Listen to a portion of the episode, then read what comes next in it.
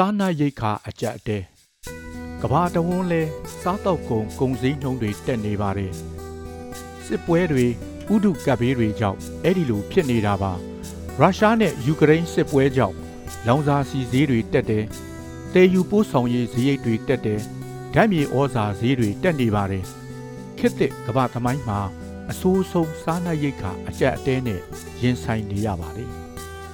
ကိုဗစ်ကပ်ဘေးနဲ့ စစ်အာဏာသိမ်းမှုဒဏ်ကိုခံနေရတဲ့မြန်မာနိုင်ငံမှာလည်းကုန်စည်နှုန်းတွေအဆမတန်ခုန်တက်သွားခဲ့ပါတယ်။ယမန်နှစ်စည်ရင်အရနိုင်ငံတော်ဝန်လူဦးရေ400ခိုင်နှုန်းဟာအလဲအလတ်ကနေကြီးကြီးမားမားအငတ်ပေးကြုံနေရပါတယ်။18ရာခိုင်နှုန်းကအစားအသောက်ကိုချွေတာစားတောက်နေရပါတယ်။ဆိုင်ကလုန်းမိုးခါကြောင့်လူတန်းချီထိခိုက်ခဲ့ရပါတယ်။လူသိန်းချီစားနပ်ရိက္ခာထောက်ပံ့မှုလိုအပ်နေပါတယ်။ တနင်္သာရီတိုင်းလည်းမကြံခဲ့ပါဘူး။ပဋိပက္ခတွေဖြစ်နေတဲ့ဂရန်နီချင်းတို့နဲ့အခြေအနေတူနီးပါဖြစ်နေပါတယ်။ဂရန်နီမှာအလဲအလတ်ကနေကြီးကြီးမားမားအငတ်ပေးကြုံရမှု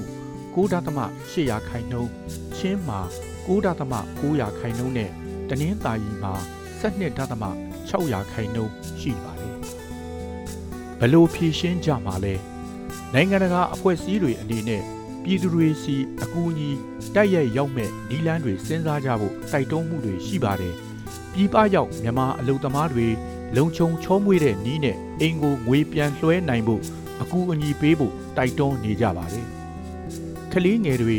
အမျိုးသမီးတွေလိုမျိုးထိလွယ်ရှလွယ်အုပ်စုတွေကိုဦးစားပေးကူညီပေးဖို့တိုက်တွန်းနေပါတယ်။စားနပ်ရိက္ခာအကြက်အတဲကြက်ကြက်ခံနိုင်ဖို့လယ်သမားတွေ တနိုင်တစ်ပိုင်းအစားအသောက်စိုက်ပျိုးထုတ်လုပ်သူတွေကိုပိုကူပိုထူပေးနိုင်မှုလိုနေပါတယ်။